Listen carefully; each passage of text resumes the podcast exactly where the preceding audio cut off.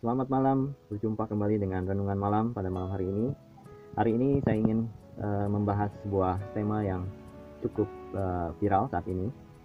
Ada seorang hamba Tuhan yang berpendapat bahwa ketika orang yang percaya mati, maka ia akan ke surga dan dia menafsirkan bahwa surga yang dimaksud adalah surga yang kondisinya sama dengan bumi. Jadi keadaan surga itu sama dengan bumi yang sekarang.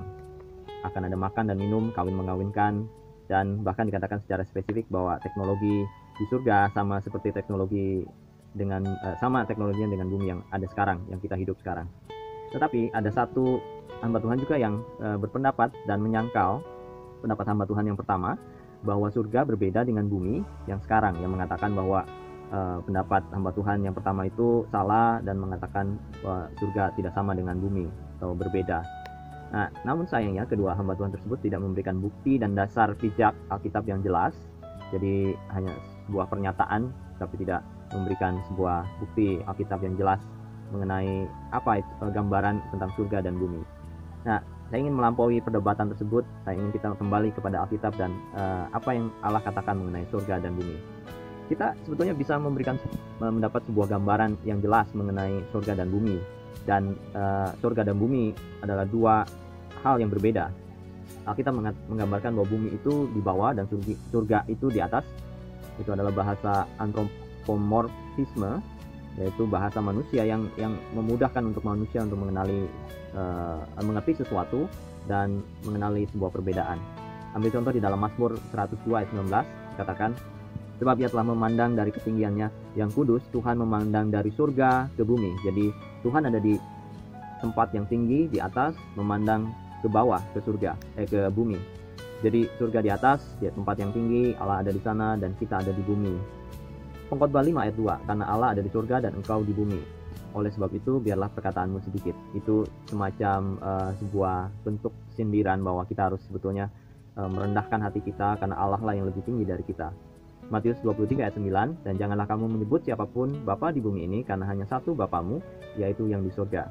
Sudah jelas bahwa uh, ada perbedaan antara bumi dan surga. Surga di mana Allah tinggal dan bumi adalah tempat di mana kita tinggal.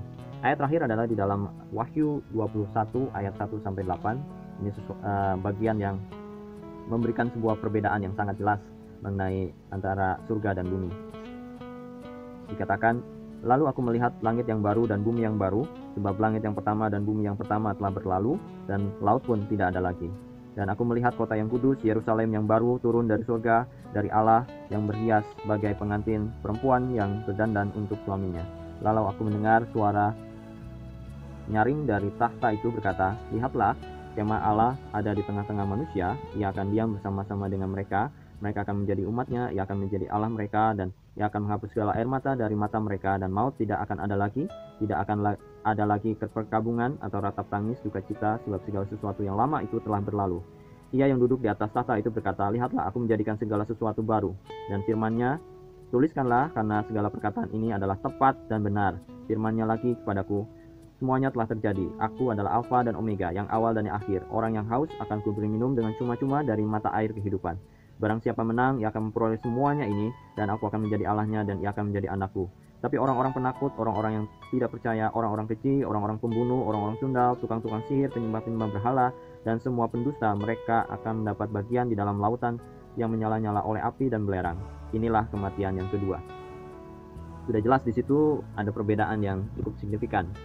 Bahkan ketika dikatakan bahwa ada langit dan bumi yang baru, uh, Alkitab menjelaskan bahwa uh, menyebutkan itu adalah semacam kontras dengan bumi yang lama dan langit yang lama. Jadi itu pun memberikan sebuah gambaran sebuah perubahan atau perbedaan yang sangat kontras. Bahkan ketika kita uh, membaca di ayat yang keempat itu jelas sekali perbedaannya. Tidak ada air mata, tidak ada perkabungan, tidak ada ratap tangis, duka cita, dan semua yang lama akan segera berlalu. Dan di dalam ayat 8 itu makin jelas perbedaannya bahwa orang-orang penakut, orang-orang yang tidak percaya, orang kecil, orang pembunuh, orang sundal, tukang-tukang sihir, penyembah berhala dan semua pendusta, mereka akan mendapatkan ya, tidak akan ada lagi di di langit dan bumi yang baru itu. Nah, pada uh, saat ini kita hidup di bumi yang lama atau di dalam bumi. Kita masih hidup bersama-sama dengan orang-orang penakut, penyembah berhala, orang-orang sundal dan kita diminta oleh Tuhan untuk bersaksi kepada mereka dan memberitakan Injil. Tetapi suatu saat nanti ketika kita ber- eh, berada di surga, orang-orang yang menolak Allah, orang-orang yang tidak percaya, mereka tidak akan ada lagi bersama-sama dengan kita. Itu sebuah perbedaan yang sangat jelas di dalam eh, bagian yang kita baca itu kita baca ini di dalam Wahyu. Jadi ini kesimpulannya. Marilah kita kembali menjadi the people of the book, bukan the people of a book. Jadi menjadi umat Allah yang kembali kepada Alkitab, bukan pada kembali ke sebuah buku teologis, kembali pada uh, buku pedoman hidup atau pendapat manusia. Bukan hanya sekedar memberikan sebuah opini mengenai pengajaran yang uh, tidak seperti yang sebenarnya dikatakan oleh Alkitab. Dan marilah kita juga merenungkan bahwa bagi kita yang percaya di dalam Kristus, kita memiliki pengharapan bahwa kita akan mengalami surga yang berbeda dengan bumi di mana kita hidup. Kita akan mengalami penghiburan yang sejati untuk jiwa dan tubuh kekal yang akan kita miliki di dalam Kristus ketika kita berada di dalam kerajaan surga, ketika kita berada di dalam surga. Uh, jika surga sama seperti di bumi, kita tidak memiliki pengharapan apa pun karena apa yang kita bisa harapkan di bumi, uh, pengharapan di bumi hanya sebatas apa yang uh, sebatas dengan usia kita. Kita akan mati dan kemudian kita akan hidup di surga dan itulah pengharapan yang sejati bahwa Allah telah menjanjikan menjanjikan sebuah tempat yang indah yang di mana Allah ada bersama-sama dengan kita dan tidak ada ratap tangis dan air mata dan semua yang yang ada di bumi ini uh, menjadi sesuatu yang fana, yang sia-sia.